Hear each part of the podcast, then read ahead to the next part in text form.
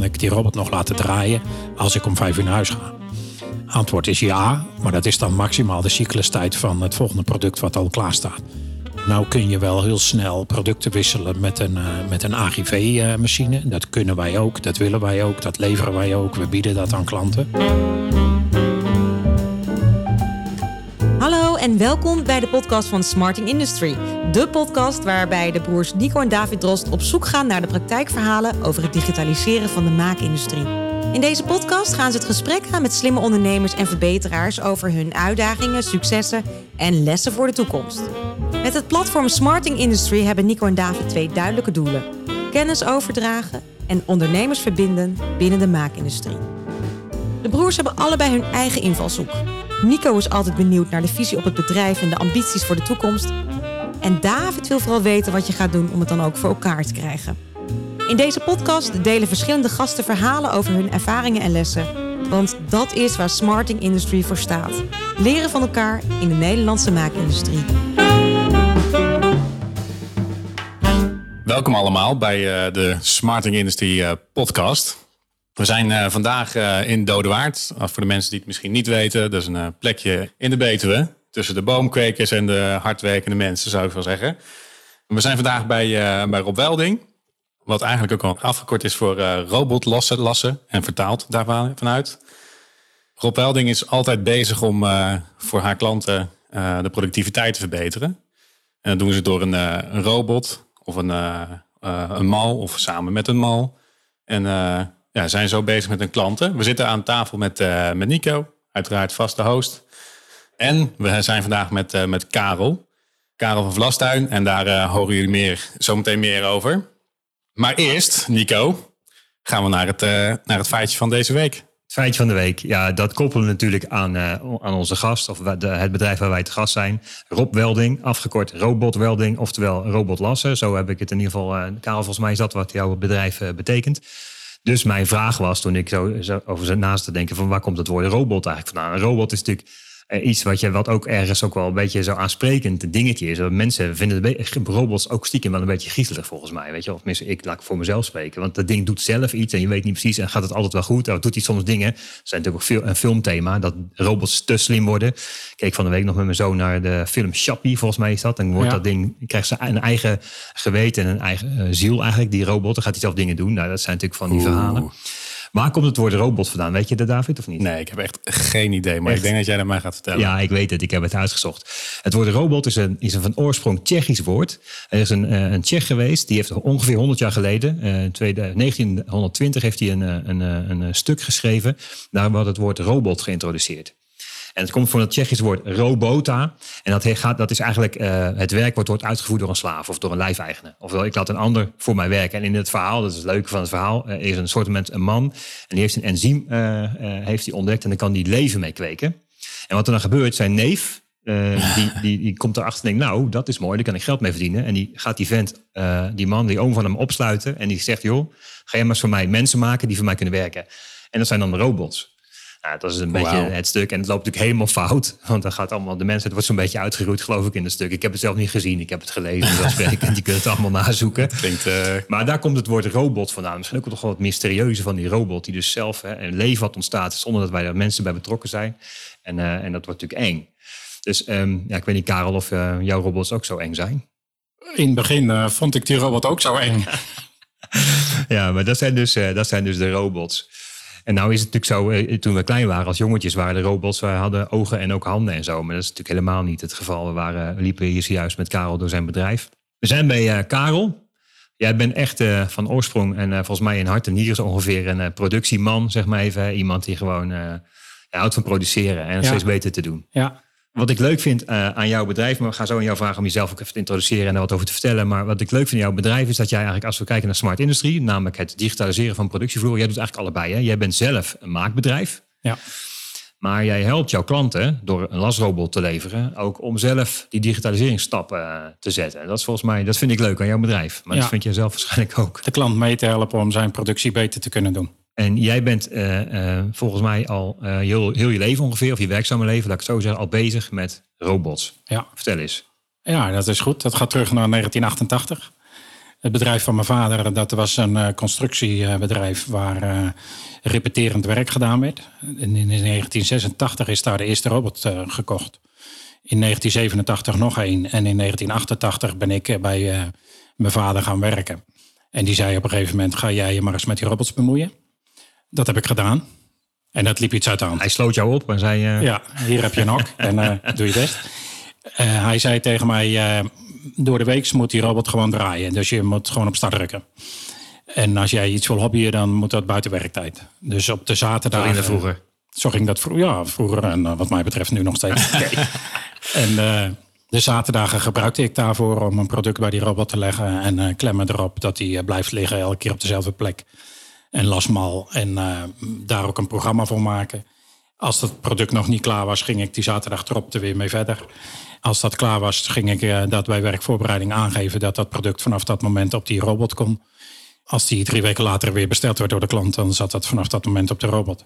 En als je dat dan maar blijft doen, elke zaterdag met nieuwe producten, dan zit na een jaar die robot vol. Toen gingen wij nog een robot kopen, want ja, Karel moest toch zaterdags ook wat te doen hebben. En uh, dat heb ik bij uh, Vlastuin 20 jaar gedaan. En uh, toen kwam ik erachter dat mensen om mij heen, klanten en concurrenten en mensen die met robots werken heel veel moeite hebben om die mal te maken en dat programma te maken. En toen zei ik van ja, maar dat is toch niet zo moeilijk. Ja. doe je al twintig jaar op doe zaterdag. ik al twintig jaar op zaterdag, dus uh, het blijft leuk. Doe ik er gewoon bij. Ja. En, uh, dus in 2006 ben ik dat zelf gaan doen. Toen ben je Rob Welding begonnen. Toen is Rob Welding begonnen. Ik vond Karel Welding vond ik niet klinken. Nee, en uh, het moet een beetje rollen. En dus zodoende robotwelding vond ik te lang. En Rob Welding ja, dat rolt lekker. Klinkt dat goed. stond nog niet, uh, er was nog geen website of iets van. Dus uh, .nl.eu.com uh, waren het vanaf dat moment voor mij. En uh, toen is het begonnen. En hoe gaat het vandaag? Vandaag gaat het goed. Maar dat, heeft wel, uh, dat is nu dus 16 jaar geleden. En uh, dat gaat niet allemaal via een strak lijntje. Er zitten wat ups en downs in. En je moet er gewoon echt hard voor ploeteren. Ik ben in mijn upje begonnen. Het is nu 2022. We zijn nu met 22 mensen. En eigenlijk hebben we nu alle disciplines in huis en het gaat goed. Ja, we zijn happy. Toen we elkaar leren kennen, vond ik het wel een mooi verhaal dat je er vertelde. Ja, gewoon hard werken op de zaterdag om zoiets, om zoiets voor elkaar te krijgen. En dan gaan we net zo hard werken totdat die robot eigenlijk, nou ik wil eigenlijk niet slaaf zeggen, maar goed, dat is dan misschien wel een beetje van afgeleid. Tot hij ermee slaaf is. En dan gaan we kijken of er nog iemand anders, nog een andere robot ons kan helpen. Nou, wij zijn met de Smarting Industry natuurlijk wat meer bezig met, met de digitalisering van, van de maakindustrie. En zo kwam ik eigenlijk natuurlijk ook op jou terecht. En dan was ik eigenlijk wel benieuwd van wat is jouw kijk erop en hoe ben jij daarmee bezig? Smart Industry? Ja, met ja. hoe, hoe, ben jij bezig om jouw bedrijf eigenlijk digitaler te maken? Digitaler is ehm, een, een, robot, een project zeg maar, wat wij mogen maken voor een klant. Dat kan heel divers zijn en als je niet oppast ben je altijd nieuwe dingen aan het verzinnen. Wij zijn in 2017 actief ermee aan de slag gegaan om onderdelen van, ons, van onze machines in een bibliotheek te stoppen. Is okay. uh, een standaard machine gemaakt, dat noemen wij een Ready Robotic cel of een Ready Robotic systeem. Een Ready Robotic cel, daar staat de robot stil en uh, heeft hij een manipulator voor zich die heel snel te wisselen is.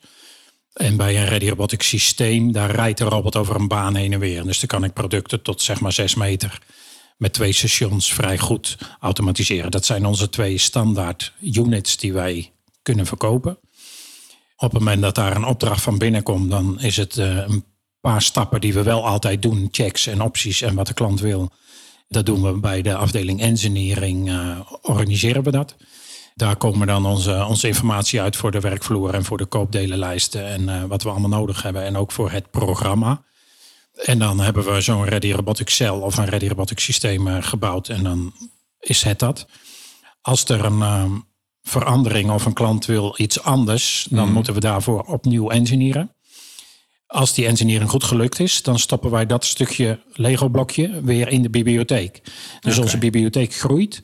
En als er nu een nieuwe project verkocht wordt, dan is hier de vraag hoeveel procent kan er uit de bibliotheek gehaald worden. Om maar proberen hoe, hoe, hoe beter je dat voor elkaar krijgt, hoe sneller je weer een nieuw product in de markt zet of in je fabriek op, op gang brengt. En zo proberen wij digitaal, digitalisering, maar ook efficiënt te werken, dat je ook efficiënt robots kunt bouwen. We liepen net bij jou over de vloer, maar jouw eigen producten die las je niet met de robot, toch? Dat deed je zelf, zat je te vertellen. En dat vond ik mooi. Want jij zei uh, letterlijk zo ongeveer... Van, ja, maar de jongens van mij die bij werken... Die, die lassen zelf onze producten. Zodat als ze bij klanten komen... om klanten te helpen lassen met robots... dan snappen ze tenminste wat ze doen. Ja. Zoiets zei je tegen mij, ja, toch? Er komen hier mensen binnen die bijvoorbeeld elektricien geweest zijn. En die komen bij Rob Welding werken. Dus die hebben nog nooit gelast. Ja. Die moeten straks een robot gaan installeren bij een klant. En dan vraagt die klant aan, uh, aan, aan die medewerker bijvoorbeeld iets over lassen. En dan vind ik dat daar een een goed antwoord op gegeven moet kunnen worden. Echt alsof je een vakman bent. En als die jongen dus nooit in aanraking komt met het lastproces gewoon handmatig. Dan ga ik ook nooit die slag, uh, die slag maken. Dus wij doen bewust hier handmatig lassen. Maar het wel dat er sommige producten wel nu uh, een beetje volume beginnen te krijgen. Gelukkig. Doordat we meer standaard zelf verkopen zijn er ook meer onderdelen hetzelfde. Dus de, binnen nu en een jaar worden er wel robot, producten van onszelf op een robot gelast. Echt waar? Ja, echt waar. En uh, die uh, worden dan ook weer uh, door onze mensen geprogrammeerd, goed in lassen afgesteld. Dat ze dat ook weer kunnen uitleggen aan een klant. En zo blijft dat maar doorrollen. Maar zit daar dan ergens een break, soort met break-even? Als ik jou aan jou vraag van hoeveel producten moet ik minimaal maken en wat voor seriegrootte om een robot een beetje interessant te laten zijn voor mijn bedrijf? Kun je daar dan een antwoord op geven? Is, ja. dat, is dat er een vuistregel voor? Ja, als je gewoon als bedrijf daar naar kijkt, dan wil je dat die robot 750 uur in een jaar kan draaien om, om zichzelf te kunnen Lasuren. terugverdienen. Lasuren kunnen maken om uh, zichzelf te kunnen terugverdienen. 750 uur, dat zou ongeveer 20 uur in de week zijn. Nee, dat is niet heel veel, toch? Nee. Dat is, Parttimer. niet- dat is een parttimer. Moet het dan één product zijn? Nee. Je hebt natuurlijk altijd een omsteltijd als je van het ene product naar het andere gaat. Dus je zit altijd wel aan een serietje te denken. En dan zijn er heel veel mensen die maken dan serietjes van 100 of serietjes van 50. En waar wij met de klant constant mee bezig zijn, is om te kijken hoe kunnen we die series nog kleiner maken. Er zijn klanten van ons die series van 20 doen op de robot. En waar we op dit moment heel veel mee bezig zijn, is om niet een product te automatiseren, maar een productfamilie. Dus dat wij een intelligente mal maken waar een heel productfamilie in past. En die heeft dan bijvoorbeeld een variabele lengte of een variabele breedte of een variabele lengte en een variabele breedte. En die productfamilie, die kun je, dan, dan zijn de aantallen automatisch wat meer. Maar je hoeft eigenlijk per onderdeel er maar eentje te maken om dat rendabel te krijgen. Dat omschakelen van het ene onderdeel naar het andere, dat kan handmatig, dat kan automatisch, dat kan pneumatisch. Daar kun je weer over nadenken hoe dat moet. Dus het ene project is het andere niet. Maar die case om het rendabel te krijgen, daar zijn wij altijd met de klant mee in gesprek van. Ik zou je adviseren om dit te doen of dat niet of dat wel. Een klant als die nog geen robot heeft en die begint met ons te praten over een robot, dan denkt hij dat een robot een schaap met vijf poten is. Die verkopen wij niet. Jammer. Ik vind het wel prettig. Dan weet ik gewoon wat ik verkoop. En uh, dus wij verkopen robots die een, een, een, je kunt zeggen, een beperkte taak hebben. Hè? Dus een domme machine die altijd maar één ding doet.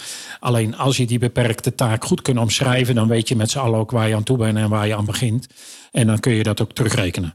Dus een uh, rendabel project is als een robot 20 uur in de week voor jou draait, dan kun je binnen drie jaar die robot terugverdienen. Dus ja. het is al heel snel rendabel. Dus je zei net zo'n beetje 20, 30, 40, 50 stuk, zeg maar. Als die uh, in een serietje kan maken, dan wordt het, uh, wordt het rendabel. Um, is het ook, uh, herken je die vraag dan ook zeg maar, in, in Nederland, in de Nederlandse maakindustrie? Is dat iets waar jij op inspeelt op die manier? Ja, want uh, heel veel klanten die, die komen bij ons, uh, of die komen niet bij ons, omdat ze zeggen: ja, ik maak geen duizend dezelfde. Ja. Dus ik ga die robot niet kopen. Dus die, die, die koudwatervrees en dat helpen om te stellen van het ene product naar het andere, dat is iets waar wij bij elke klant over in gesprek zijn. Hoe kan ik je helpen? Hoe kan ik je productie verbeteren? Andersom zijn wij ook wel met een klant in gesprek op het moment dat je een product hebt waarvan je zegt van ja, dat is maar voor 60% geschikt om met een robot te lassen, om, omdat ik er niet goed bij kan of omdat het te lastig of te moeilijk is. Mag ik voorstellen doen om het product aan te passen zodat het beter geschikt is voor de robot? En dan heb je ook nog weer die vraag van moet ik het product van tevoren met de hand in elkaar hechten of kan ik hem in losse onderdelen in de robot leggen? Dat bekijken wij altijd per product, maar dan zoomen wij echt met de klant samen in, in zijn beste keus. Is het dan ook iets wat jij zeg maar, um, als je, jij, jij komt natuurlijk nogal ergens bij veel mm -hmm. bedrijven. En je ziet de Nederlandse maakindustrie, denk ik ook voor een deel van binnen. Je hebt veel productievloeren. Hoe ver zijn we in Nederland als het gaat om robotisering? Is er nog een wereld te winnen of zijn we op goede weg? We staan aan het begin. Wat dat betreft ben ik wel eens teleurgesteld over onze Nederlandse ja. maakindustrie. Ja, we doen met z'n allen heel stoere verhalen vertellen. Uh, maar als ik dan bij de bedrijven kom en ik zie wat daar werkelijk gebeurt, dan uh, um, is dat allemaal niet zo stoer wat we doen. En waar uh, zit dat dan precies in, wat jou betreft? In Nederland hebben wij een heleboel metaalbedrijven. Maar wij hebben van die metaalbedrijven niet zoveel metaalbedrijven die echt een eigen product maken. De meeste metaalbedrijven zijn toeleveranciers. En de relatie eindklant en toeleverancier is dusdanig dat het productiebedrijf die moet het als een gunst zien dat hij een product mag lassen voor een eindklant. Dat productiebedrijf, die toeleverancier, vindt het heel moeilijk om aan die eindklant te vragen: ik wil nu een afspraak maken dat ik de komende vijf jaar die producten voor jou mag maken.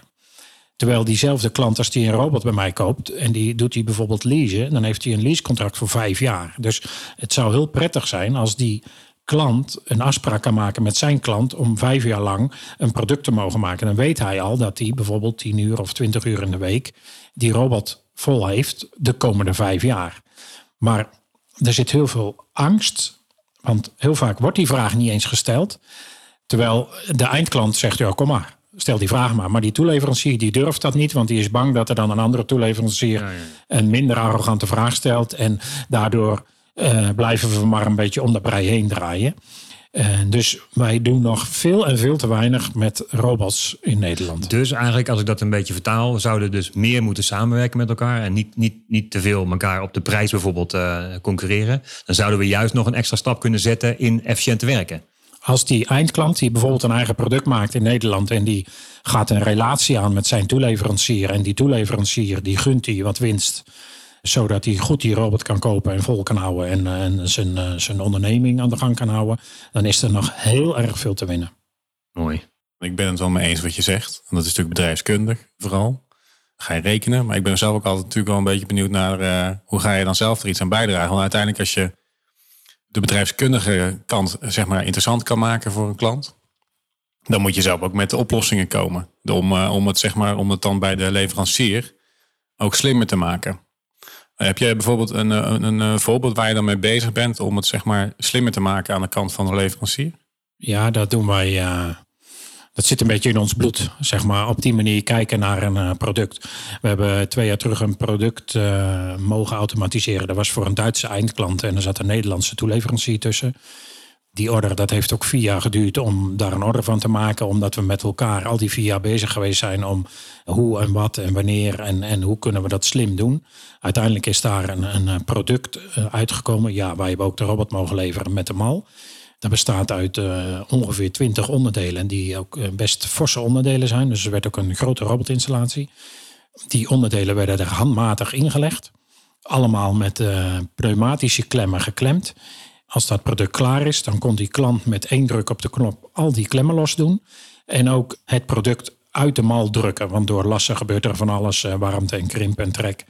Uh, dus dat product zit dan een beetje vast. En dan werd traditioneel heel vaak wordt daar dan met een kraan dat product uit die mal getrokken. Mm-hmm. Nou, dat geeft slijtage, dus dan uh, moet je regelmatig die mal weer uh, bijstellen. Daar hebben wij een systeem op gemaakt dat het product pneumatisch uit die mal gedrukt wordt. En dan wordt die aangeboden aan die operator, die hem dan gewoon een los product met de kraan van de, van uit die mal kan halen. En dan wegleggen en de nieuwe er weer. Nou, dat is een resultaat van vier jaar lang nadenken met de eindklant in Duitsland, met de toeleverancier in Nederland en met Rob Welding. Om dat met elkaar uh, op gang te krijgen. En dat, dat zijn echt successen. Ja, en wat verbeter je dan? Wat, wat is dan uiteindelijk zeg maar de, het probleem waar je mee begonnen en uiteindelijk Waar we mee begonnen was dat men dacht van ik moet het allemaal met klemmen vastzetten en ik ga dat op een vaste tafel doen. Dus die robot die moet er helemaal omheen kruipen. Met boven naar beneden lassen en in positie lassen en allemaal moeilijke dingen doen. Uiteindelijk is daar een machine uitgekomen met een manipulator dat het product ook volledig rond kan draaien. En uh, onderdelen zijn veranderd dat de robot beter, dat hij ook echt overal bij kan. Dat 100% van het product gelast kan worden door de robot. En als het dan klaar is na die 17 minuten die ervoor stond, dan heb ik ook elke 17 minuten een product. En dan weet ik ook vooraf al dat ik, als ik s'morgens begin, doe ik de hele dag, elke 17 minuten doe ik zo'n product. En op het moment dat jij die wijzigingen niet doet, dan heb ik hier een storing en ik ben daar nog wat aan het trekken en sleuren. En daar moet ik nog een lasje met de hand leggen. En dat zijn altijd redenen om niet je cyclustijd te halen. Maar het is ook een voorbeeld volgens mij van wat je net zei, uh, te vertellen van, uh, je noemde net, slijt minder. En dat is per definitie natuurlijk ook een soort van meer van lange adembesparing die je daar, die je daar ja. hebt. Het is niet zozeer dat je dan de steltijd of de, de cyclustijd naar beneden brengt. Maar het is meer op lange termijn eh, wordt, het, Ja. eh, wordt het eh, effectiever. Of Ja. een reden om, van, wat jij net zei, een beetje meer die langere, langere adem eigenlijk te hebben. En dat is het hele mooie van een robot. Dat programma dat laat, dat, dat maakt altijd dezelfde route. Dus ik heb altijd dezelfde warmte inbreng. Ik ga altijd op het- hetzelfde plek als eerste trekken en krimpen. Dus ik weet qua mal en slijtage ben ik veel stabieler dan wanneer ik met de hand las. En de ene keer begin ik vooraan en de andere keer begin ik achteraan. En dan vergeet ik iets en dan doe ik iets langzamer of korter. Dus in die zin brengt die robot je ook technisch heel erg veel. We hebben een andere klant die moet een product maken wat eh, wettelijk. Dat is een eh, product dat zit in de, in de transportsector. En dan moet wettelijk moet dat binnen een bepaalde tolerantie mag dat maar krom zijn.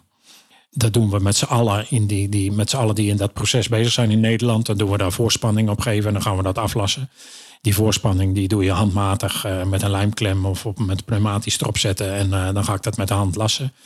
Eh, dan wordt er de vraag gesteld als zo'n operator van... heb je hem voorgespannen? Ja, ik heb hem voorgespannen. En dan, oh ja, maar deze is toch nog te krom. Wij hebben bij een robot eh, zo'nzelfde product ook geautomatiseerd. Dat dat opspannen, dat gebeurt nog wel steeds handmatig.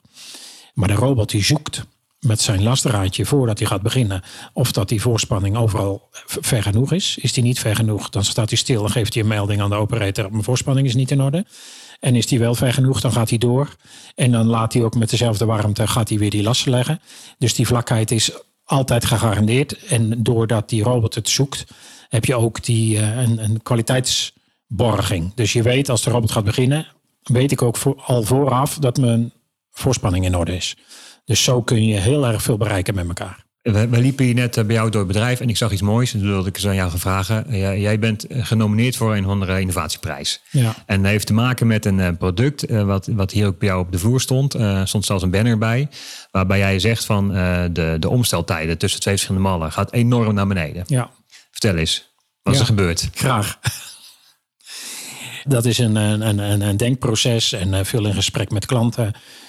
De meeste klanten van, eh, van ons werken in dagdienst. Dus die gaan om eh, vijf uur eh, naar huis. En zo'n eigenaar van zo'n bedrijf die vindt het dan heel prettig als die s'avonds aan zijn aardappeltjes zit en die weet, robot draait nog. Dus die vraag krijgen wij heel vaak. Kan ik die robot nog laten draaien als ik om vijf uur naar huis ga? Eh, antwoord is ja, maar dat is dan maximaal de cyclustijd van het volgende product wat al klaar staat. Dus dat is zeg maar een half uur. Eh, maar als jij om zeven uur aan de aardappel zit en je bent om vijf uur gestopt, dan is dat, die tijd al geweest. Nou kun je wel heel snel producten wisselen met een, eh, met een AGV-machine. Dat kunnen wij ook, dat willen wij ook, dat leveren wij ook. We bieden dat aan klanten. Maar je kun je voorstellen als AGV-machine is een eh, automatische heftruck. automatisch heftruck die eh, Maak het even een beetje mal, simpel. Een mal, in, een mal in een robot kan leggen. Wij hebben een, een, een, een tussenvariant bedacht, omdat een klant die een robot heeft, die is nog niet gelijk zo ver geautomatiseerd en gedigitaliseerd dat hij ook zegt van ik ben aan een AGV toe. Toen hebben wij gedacht van als we nou die klant kunnen helpen door eh, even nog niet die AGV te hoeven te investeren, maar wel efficiënter met je robot te kunnen werken hebben wij een, wissel, een mal wisselsysteem bedacht. Wat je gewoon met een pompwagen kunt doen. Dus handmatig bediend. En dat kan iedere operator. Dat hebben we doorontwikkeld. Dat de klemmen waar dat mee vast zit, die kun je handmatig bedienen. Maar met diezelfde klemmen kan ik het ook pneumatisch. Dus de voorbereiding voor de AGV zit er al in. En op die mal maken wij dan een, eh, een, een scanner. Die de robot op het moment als die gaat beginnen, leest hij hem uit. En dan weet hij, dit programma hoort hierbij. Dat programma staat al in het geheugen van de robot. Dus hij, ehm, Hij stelt zichzelf gewoon eigenlijk in. hij pakt het goede programma uit zijn geheugen. Ja. En de kans dat er dan die operator vergeet het goede programma te selecteren, ben je daarmee ook eh, kwijt. Dus de operator kan minder fouten maken. En je kunt dan van de ene batch, want wij denken dat de batch van 10 of 20 of 30 nog wel handmatig gewoon op de traditionele manier ingelegd wordt. Maar op het moment dat we omgaan van de ene batch van 30 naar de volgende batch van 30, kan de volgende mal al klaarstaan. Dus die operator pakt met zijn pompwagen de bestaande mal uit de robot. Hij zet hem ergens neer. En de volgende staat al klaar. Dan rijdt hij de pompwagen onder en die rijdt hij in de robot. Hij doet de klemmen dicht. Hij rijdt het eh, transportbokje aan de kant. Hij drukt op start. En de robot doet de rest zelf. Dus dan kun je die omsteltijd terugbrengen van ongeveer een uur naar 10 minuten. En als je een batches hebt van 20 stuks, dan komt dat best Ja, heel dat is een behoorlijke besparing, toch? Dan komt dat heel vaak per jaar voor. Ja. Dan kun je zo'n omsteltijd dan kun je wel vier of vijf keer per dag doen. Ja. Dus dat scheelt per dag wel. wel Maar wo- wordt daarmee dus ook de robot dan eh, bereikbaarder voor bedrijven die kleinere series maken? Is dat eigenlijk ook wat je daarmee doet of niet? ja, ja, Ja. ja. doordat jij eh een serietjes van 10 efficiënt met een robot kunt doen, kun jij veel eerder die robot gaan bestellen bij ons. Hey, en eh, want dan zie ik eigenlijk zie ik je langzamerhand die lijn ingaan van een productie, eigenlijk een productielijn ingaan, waarin je steeds slimmere dingen aan elkaar gaat verbinden. Ja, ja, ja dat is, eh, dat, dat, daar groei je naartoe. Dat is ook wat je wil. Wij zijn robotintegrator en dat houdt niet op bij alleen maar het leveren van de robot. Wij, wij zijn al heel erg eh, ver en veel aan het meedenken met de lasmal. En we maken de lasmal. Het programma willen wij het liefst dat de klant maakt. Want wij willen kennis... Dat programma bedoel je? Het lasprogramma wat Ja. in de robot moet komen voor elk afzonderlijk product. Ja. Dat programma willen wij heel graag dat de klant zelf in zijn robot stopt. Om zoveel mogelijk kennis bij de klant te krijgen. Maar dat mag wel hier bij ons in Dodewaard. Dat wij hier de testen doen en de nulseries lassen. Dat er echt een, een product waar de kinderziektes uit zijn bij de klant komt. Zo'n Ready Robotic Cell kunnen wij eh, met een kraan beetpak op een vrachtauto zetten, bij de klant neerzetten, stekker erin en we draaien. Dus het gebeurt heel vaak dat wij s'morgens komen en smiddags draait die klant de productie. Ja, dat is natuurlijk geweldig. Klinkt mij dat de mooie baan zijn. Nee, maar dat is echt zo, echt zo. En dat mag je mij vragen en je mag het aan de klanten vragen en we kunnen het gewoon laten zien. En we doen dat gelukkig eh, meerdere keren per jaar, dus eh, kom maar op. En je ziet in het verlengde daarvan, dus de mal en het programma en eh, wat intelligentie soms ook in het lasprogramma als dat nodig is. En dan nu de volgende slag naar een stuk logistiek. Die logistieke automatisering is iets waar we in heel Nederland, Industrie 4.0, behoorlijk mee bezig zijn. Ja. En dat sluit bij de robot ook eh, enorm goed aan. De robot kunnen wij ook koppelen aan eh, het netwerk. Dat we weten van, ik ben nu met die orde bezig of ik ben met die bezig of ik heb er van die nu 30 klaar. Die digitalisering, daar zitten wij middenin. Jij eh, zorgt ervoor dat de robot voor bedrijven bereikbaarder wordt. Hè? Dus dat met kleinere series wordt het al rendabeler. Eh, je helpt bedrijven ook nog eens een keer de eerste stappen te zetten op het gebied van eh, robotisering en het gebruiken van de robot. En dan zet je hem neer en is die binnen een dag operabel. Ja, Dat is wel, dan help jij de Nederlandse maakindustrie op een hoog niveau. Ja, ja, ja, en dat wil ik graag nog veel meedoen. In, in begintijd, toen Rob Welding begon, toen zat dit in mijn hoofd. Rob Welding maakt robotlassen voor iedereen mogelijk. En eh, dat, dat, dat eh, wordt langzaamaan een succes. Ja, mooi. Nou zitten de mensen te luisteren naar die podcast hier. En die hebben nog nooit van leven met een robot eh, gelast. Maar die willen dat misschien wel. En je mag natuurlijk zeggen van bel mij op. Dat dat snap ik dat wil zeggen. Maar gewoon meer even inhoudelijk. Welke tip? Waar moeten ze beginnen? Je moet niet te bang zijn. Heb jij repeterend werk? Kijk, natuurlijk om die 20 uur robotwerk bij elkaar te krijgen, heb je best wat werk nodig. Maar als jij denkt van, eh, hey, misschien is dit product wel goed genoeg of misschien durf ik dat wel. Het is al heel snel rendabel. Als je denkt van, ik heb maar 10 uur in de week werk voor een robot en je hebt nog wel producten waarvan je denkt dat het niet kan. Als je een, je kunt bijvoorbeeld ook een robot huren, maar goed, op zich is het, het moet rendabel zijn. Als je eraan begint en je zegt, hé, hey, ik krijg die 10 uur wel voor elkaar, maar die producten, die, eh, dat lukt ook. En wij willen ook heel graag meedenken. Dan hoeven wij helemaal niet een mal of een programma te maken. Dat mag de klant ook zelf doen. Maar je mag ons ook uit- uitnodigen om gewoon mee te denken om dat voor elkaar te krijgen. Dan eh, zie je ook vaak dat als een klant er eenmaal aan begint, dat eh, binnen een jaar zit er twee keer zoveel werk op als wat hij hem in het begin voor gekocht heeft. De um, klanten die eerst eenmaal één robot hebben, die zie je dat ze het eerste jaar een beetje aan aan het zoeken en aan het aftasten zijn. In het tweede jaar op gang komen en in een derde jaar nog een robot kopen. Wees niet te bang.